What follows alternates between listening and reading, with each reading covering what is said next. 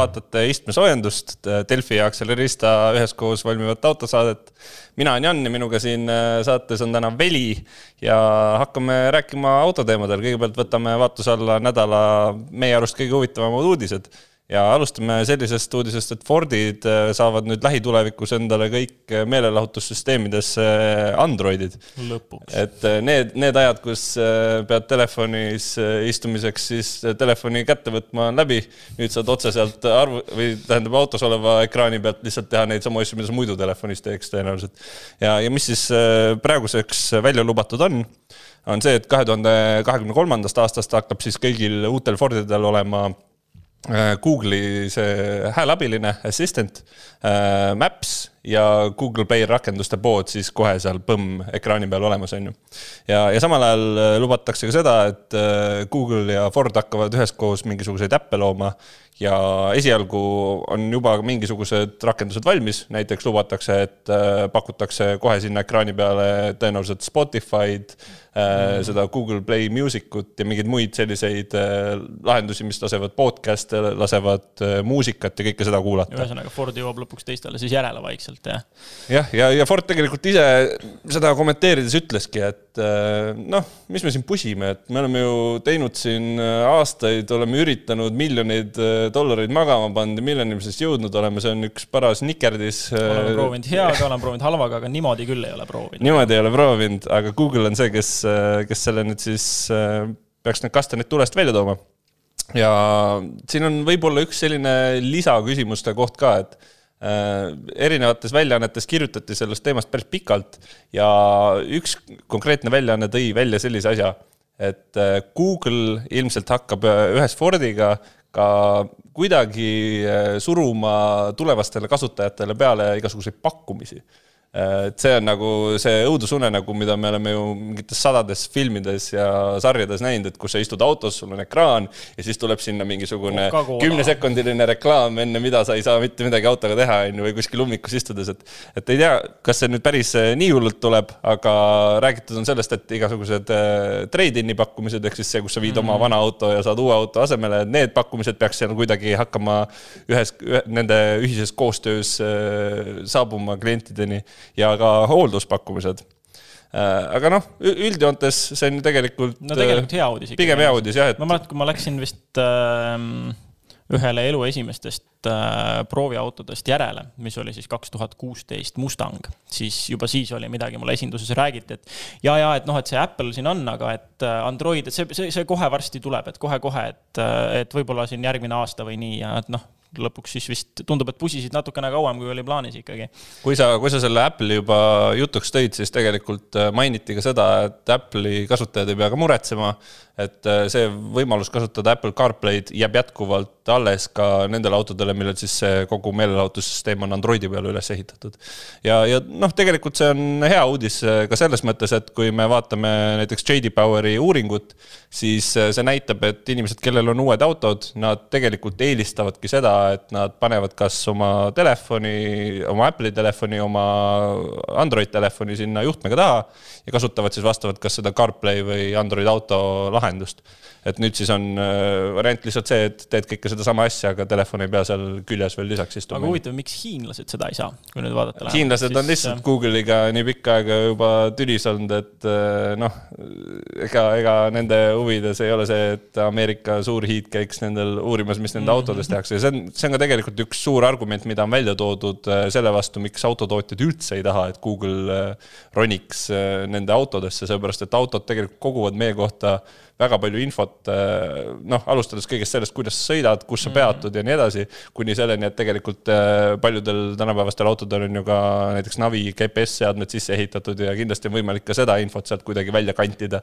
sealt omakorda saavad tulla mingid eh, väga sulle spetsiifiliselt mõeldud reklaamid, et oh, et keera siit järgmisest sisse ja lähed käid McDonaldsis, sa tavaliselt vaata käid seal, on ju, et et.... ja teine asi muidugi, mida Google väga hästi oskab, on ikkagi see, et äh, alguses need asjad, mida nad ka, mingid funktsioonid, mida nad annavad tasuta, siis need äh, pärast äh, kenasti raha välja pigistavad. siin on keegi, kellel on see Youtube'i probleem, jah? ei, mitte seda kusjuures. ma esimest korda puutusin sellega kokku siis, kui oli kunagi ühes eelmistest töökohtadest ähm, vist jooksis veebilehel Maps'i plugin mm, -hmm. mis kunagi oli pikalt-pikalt tasuta ja hästi paljud veebilehed võtsid selle endale kasutusele. ja siis mingi hetk Google tegi, et nii, ahaa, nüüd kõik on oma infra ehitanud sellele, on ju, kõik on veebilehtedel käib Maps'i kaudu, plugin'i kaudu.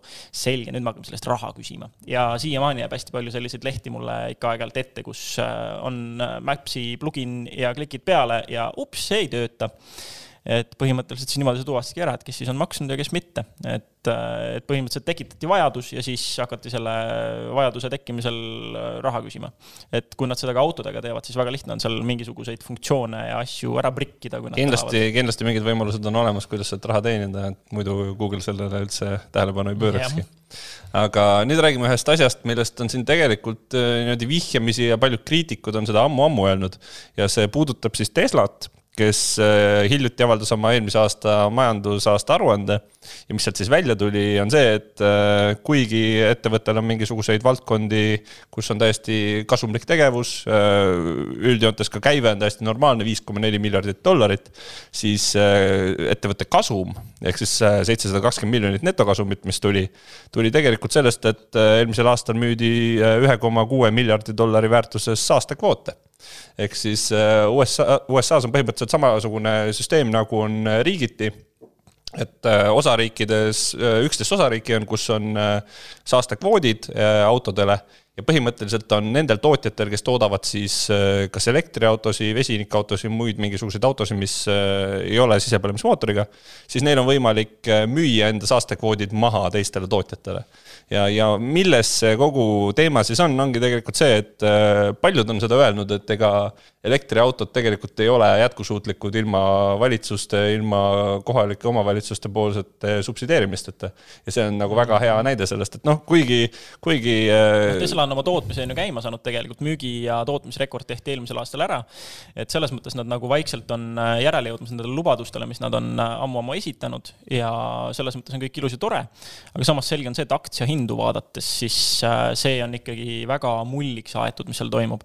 et nüüd äh, vabandust, ma olen ära unustanud selle täpse, selle täpse koefitsiendi, aga siin äh, on kasutusel börsil selline näitaja nagu siis aktsia ja tema teenimise suhe mm. -hmm ja noh, kui siin, on, siin see Teslal oli see ikkagi niimoodi, see aktsia väärtus oli üle kolmekümne korra kõrg-, ühesõnaga, see oli, see oli metsikult palju kõrgem võrreldes sellega, kui palju äh, on tal tagasiteenimispotentsiaali.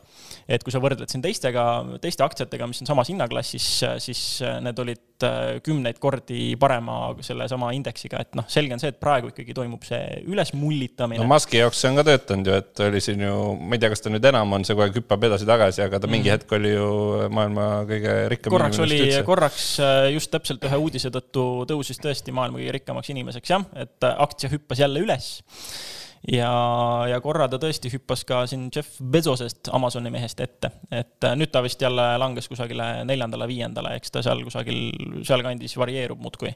no vot, ja tegelikult seesama teema on ju kenasti seotud ka sellega, et mida, mida siin riigid äh, peale suruvad oma poliitikaga mm, -hmm. et üks asi on puhtalt see rahaline hüvitis mingisuguste mm -hmm. rohelisemate autode tootmise eest ja ja teine on tegelikult see, et paljud riigid on ka pannud ju mingi konkreetse termini, et okei okay,, siitmaalt edasi me ei taha enam ühtegi uut sise sisepõlemismootoriga autot näha. et äh, noh, see samamoodi surub tootjaid tegelikult mingisuguses suunas äh, ja, ja noh, selles mõttes Tesla enda esindajad selle konkreetse juhtumi kohta näiteks on ka öelnud, et äh, pikas perspektiivis see kvootide müük kindlasti jätkusuutlik nende jaoks ei ole, et nad peavad ikkagi olema võimelised oma autosid tootma selliselt, et see oleks kasumlik aga noh, praegu nad lihtsalt töötavad nagu idufirma, on ju, et nad võtavad ja, nii palju kui võimalik mm -hmm. raha välja, investeerivad selle uuesti ja loodavad, et tulevikus see nende põhitulemus läheb kasumlikumaks. vot jah, siis ma sealt korra ütlen, et ütlen vahele hõikena, et palju see Tesla aktsia mull siis nagu on. see käib. Vaatasin kähku järele, et äh, hõikan lihtsalt ka arvud välja, et kui näiteks Facebook ja Facebooki aktsia puhul see koefitsient on kolmkümmend koma kuuskümmend kaks kusagil, ehk siis aktsia maksab umbes kolmkümmend korda rohkem, kui ta tagasi teenib, siis Teslal oli sel hetkel, kui Elon Musk äh, siis kuulutati korraks maailma rikkamaks inimeseks, Teslal oli see näitaja tuhat, üle tuhande viiesaja, ehk siis aktsia maksis tuhat viissada korda rohkem, kui see potentsiaalselt tagasi teenida no eks seda me saame tulevikus näha, aga siin on nüüd äh, hea võimalus hüpata kohe järgmise teema juurde. Ja see on äh,, sind puudutab ilmselt suhteliselt lähedalt. Äh,. ehk siis äh, kahe tuhande kahekümne teisel aastal välja tulev Subaru WRX STi saab olema kõige viimane puhta sisepõlemismootoriga Subaru. Jah, et see on siis äh, täiel äh, ainult sisepõleva bokseri äh, nii-öelda puhkusele saatmine et jah, tõsi, boksermootor säilib, sisepõlemismootorid säilivad hübriidkonfiguratsioonis elektri abiga, aga Subaru samamoodi nagu teised tootjad ikkagi läheneb sellele samale mainitud äh, süsinikuneutraalsusele ja sellele, et sisepõlemismootorid lõpuks oma toodangu hulgast üldsegi välistada.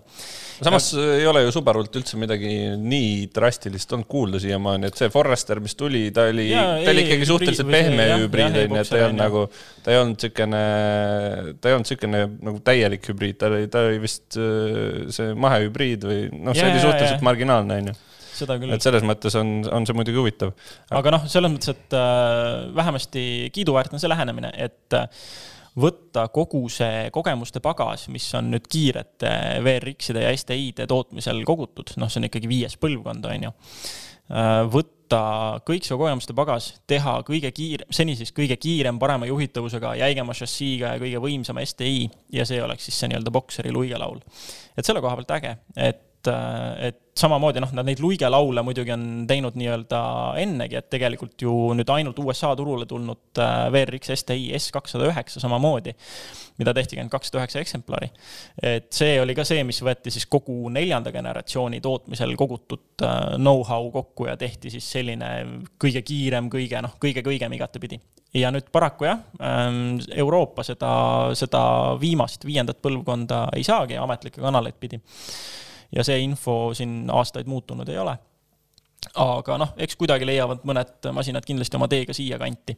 et äh, ja kui keegi seda kunagi suudab, et siis võib teada anda, et tahaks ka seda autot tegelikult proovida jah, äh, loo moraal on siis see, et kuna need uudised näitavad, et äh, neid sisepõlemismootoriga siukseid lõbusaid autosid enam väga ei tule, siis kui on tulevikuks soov endale hankida mingisugune auto, millega kasvõi rajal sõita saaks, siis vaikselt hakkab see viimane aeg vist nagu kätte jõudma. jah, kui on soov, et oleks ikkagi ainult äh, auto, mis sõidab puhtalt kallite vedeldinosauruste jääkide peale, et siis viimased võimalused tulevad, et alles noh, siin äh, ütleme mõnikümmend saadet tagasi me rääkisime, et oh kui äge, et Jaapani sportautode renessanss ja kõik tulevad järjest Nissan nelisada Z ja igasugused kõik uued BRZ-id, uued Äh, GT kaheksakümne kuued on ju, kõik äh, erinevad ägedad asjad Jaapani poolt tulemas.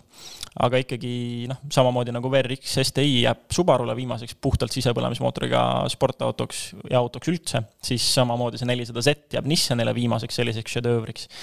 et äh, on nii, osalt nii renessanss kui ka järjest luigelaulud, et lõpeb see pidu ikkagi paraku ka sealtpoolt vist otsa. no hakkame ostma, ilmselt hoiab hinda paremini kui Tesla aktsia aga nüüd räägime selle nädala proovisõiduautost ja selleks oli meil Hyundai i30 hübriid seekord.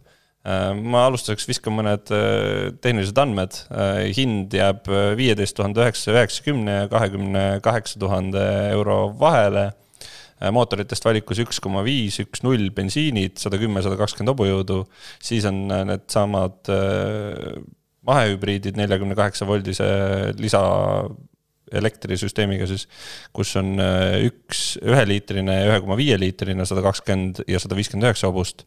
ja siis on äh, veel ühe koma kuuene diisel ja veel üks diiselhübriid. et selles mõttes valikut nagu on. Ja, ja samas on ka jäänud need kolm keretüüpi, mida me siin ka varasemast ajast tunneme ja laias laastus nad on jäänud ka suhteliselt muutumatuks. ehk siis luukpära, siis see fastback mm -hmm. ja siis wagon on ju. ehk siis äh, kolm Universal. tüüpi. jah ja, ja sealt saab võtta, on ju. ja noh, mis siin võib-olla uuendustest on äh, kõige huvitavam, on see Blue Link pakett, mis on siis midagi enam-vähem sarnast, nagu see kogu Google'i ja mm see autosüsteem võiks teha, on ju. et saad telefonist oma autot juhtida, saad sisse lülitada seal asju, saad välja lülitada asju, saad veel mingisugust lisainfot äh, endale telefoni ekraani peale. ja noh, see neljakümne kaheksa voldine, see kerghübriid on ka tegelikult midagi uut, on ju et mm -hmm. seda me ei ole ka siiamaani näinud, äh, vähemalt Hyundai i kolmekümne peal mitte. Mis see siis tegema peaks, on, peaks põhimõtteliselt tegema liinasõidu säästlikumaks äh,, aidata salvestada mingisugust hulka energiat äh,, aidata koha pealt ära võtta äh, ja nii edasi, on ju. et ta on, ta on ikkagi, peaks autot linnas tegema just säästlikumaks mm -hmm.. noh, meie kogemus siin paraku temaga nii, nii säästlik ei olnud, et ma viisin ta ka pikemale tiirule, tegin nii maantee kui linnasõitu, aga eks ta ikka sinna kuue liitri kanti sajale see kütusekulu jäi. tõsi, see mootor oli vist läbinud mingisugune kaks, kahe-kolme tuhande kilomeetri vahele, et sissesõiduperiood tehniliselt veel alles käib uh, -huh. et äh, tõenäoliselt see ajapikku läheb veel allapoole aga jah, kohe nagu esi, esimese hooga ei tuvastanud seal mingisugust suurt võitu sellest hübriidajamist. ja no ega seda samas nagu tunda ka väga ei ole, samas see, see on jällegi minu jaoks äh, näide hästi tehtud hübriidajamist, kui sa noh, kui ta ei tee sul vahepeal trollibussi hääli ja ei, ei ole tunda, et ta nagu rakendub.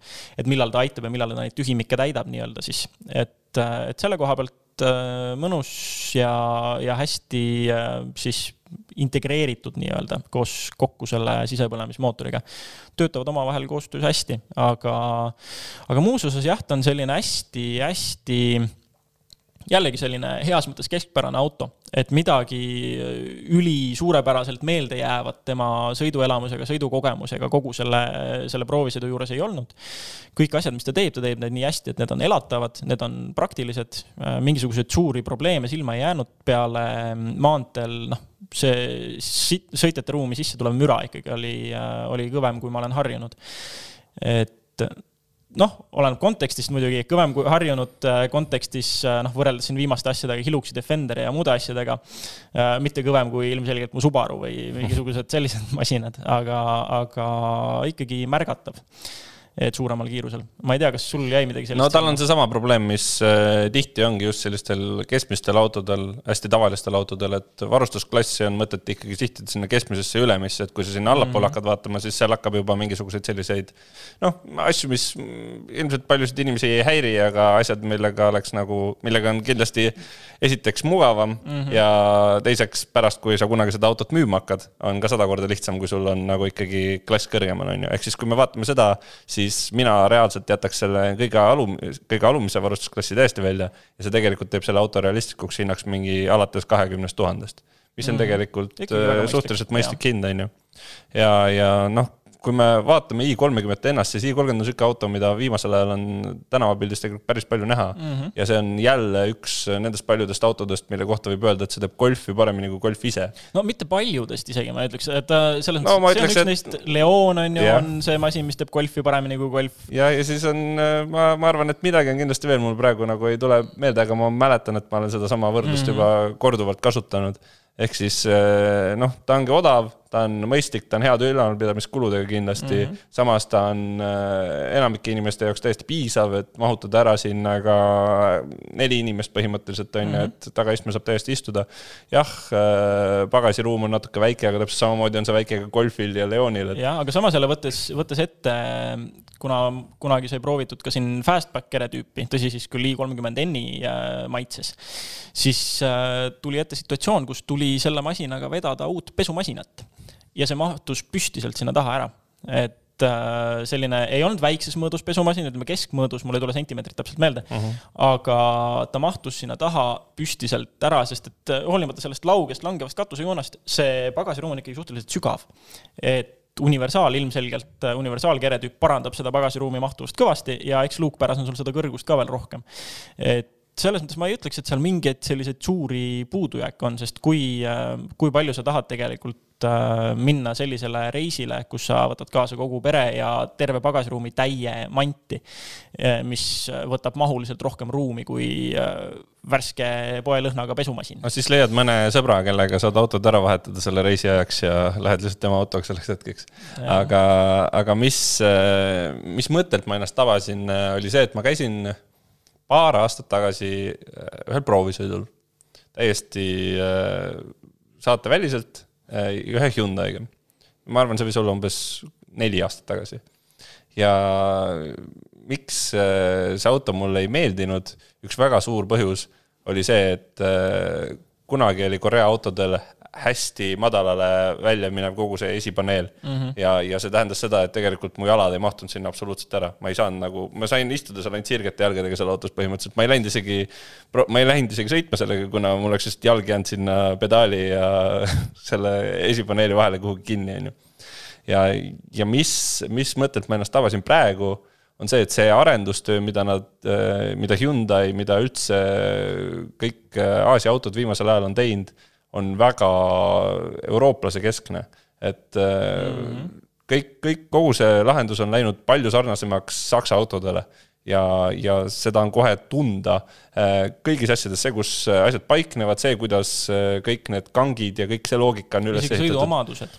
kui ma meenutan näiteks seda, et Äh, mõned aastad tagasi, kui tuli äh, värskema põlvkonna Civic Type R näiteks ja sellega sai proovisõidul käidud, siis sellel ka esimene emotsioon oli võrreldes äh, siis eelviimasega oli see, et ta sõidab nagu saksa auto niimoodi, et sa ei saa kiirusest aru, vaikselt, stabiilselt, palju mugavamalt, ta ei ole enam selline nii-öelda jõhkard, et nad on hakanud tahuma neid erinevad tootjad, kõik sealt Aasia kandist on hakanud tahuma neid nurkasid, et sarnaneda rohkem eurooplastele jah, ja need nurgad on siiamaani olemas, näiteks minu arust äh, Hyundai puhul on üheks suureks nurgaks siiamaani äh, interjööri materjalide kvaliteet mm, -hmm. et seal on, seal on palju ikkagi sellist kolisevat plastikut ja siukseid mingeid lõtke ja noh, on tunda, et materjalid mm -hmm. on mhm. natuke teistsugused. aga samas äh, hind on ka ju vastav selle, jah, täiesti ja, vastav ja, ja mõistlik selles mõttes.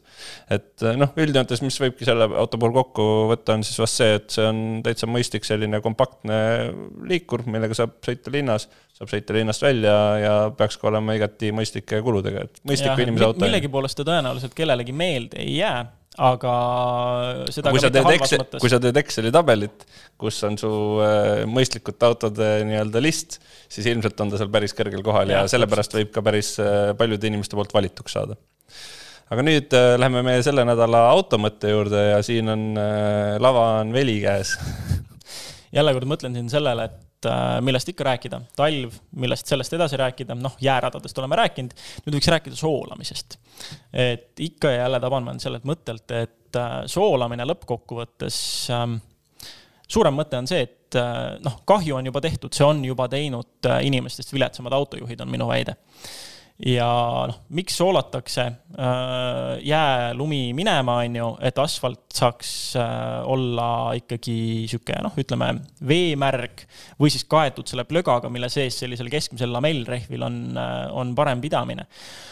aga minu jaoks on see sellise libeda peal sõitmise nii-öelda murele lähenemine valest otsast. see on reaktiivne, see on nii-öelda tagajärgede likvideerimine ehk siis teisisõnu, see on justkui see, et me juba, me, me justkui tunnistame, et äh, meie juhid ei oskakski täislibedaga sõita, seega tekitame sellised tingimused, kus nii-öelda ka kes kõige noh, kõige kehvem nii-öelda thumb user hakkama saab. aga see on natukene nagu noh, see on tõesti, see on, see on minu jaoks veidike valest otsast lähenemine, et äh, tegelikult võiks sellist libedal sõitmise oskust propageerida juba riiklikul tasandil ka varem, et need libedasõidukoolitused, mis meil on kohustuslikud, see on, see on farss, see on nali tegelikult ju et seal ei õpita mitte midagi. see ülesehitus on säärane, et äh, ma mäletan oma sellest kohustuslikult libedasõidust näiteks seda, et äh, sulle ei öelda mitte midagi, miks midagi tehakse sulle näidatakse tagajärgi, mille eesmärgiks on see, et äh, tekitada hirm libisemise ees. libisemine, see on ohtlik, see on halb, see on paha, see on äh, kole, kole, seda tuleb vältida. see viib selleni, et kõik sõidavadki sul, kõik, kes seda nii-öelda libeda hirmu tõsiselt võtavad, sõidavadki sul sellises juba kerge lumesaju olukorras kakskümmend kilomeetrit tunnis aeglasemalt. ja kui auto läheb kusagil libisema, neid piirsituatsioone tuleb liiklusolukordades ette, neid jõulisi pidurdusi mõnikord ka kurvi peal, on ju liiklus on ettearvamatu, sinna ei saa midagi teha. aga mis, mis saab siis, kui kurvi peale peab pidurdama keegi, kes kardab libisemist nagu tuld? et me, me ei, see, see libedal sõitmine, see initsiatiiv on juhi enda käes, et see selgeks õppida, kuidas kuidas käituda siis, kui auto päriselt libisema läheb. et minu arvates see hirmule rõhumine ei ole nagu kuidagi edasiviiv lahendus. järjest iga talv jär, äh, inimesed siin-seal kurdavad, et liiklus on täiesti kohutav, inimesed ei oska sõita, ei oska arvestada oludega, kõik asjad. et noh, jah, see saabki nii olema, kui initsiatiiv on ainult juhi enda käes. aga mis see lahendus võiks olla su arust? Äh, libedasõidukoolitus ideaalis võiks olla midagi natuke tõsiseltvõetavamat kui see, et äh, nii, siin on auto, millel on ABS väljas äh,. siin on lõik, kus on ühel pool jää ja teisel pool on asfalt, pidurda plokki.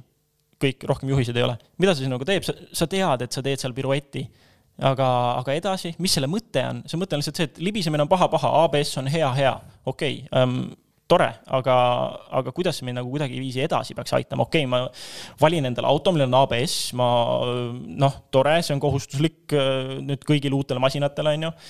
Ähm, noh, kus on sulle ette tulnud situatsioone, kus sa sõidad äh, sellise pinna peal, kus sul üks pool on libe ja teine pool on pidamisega?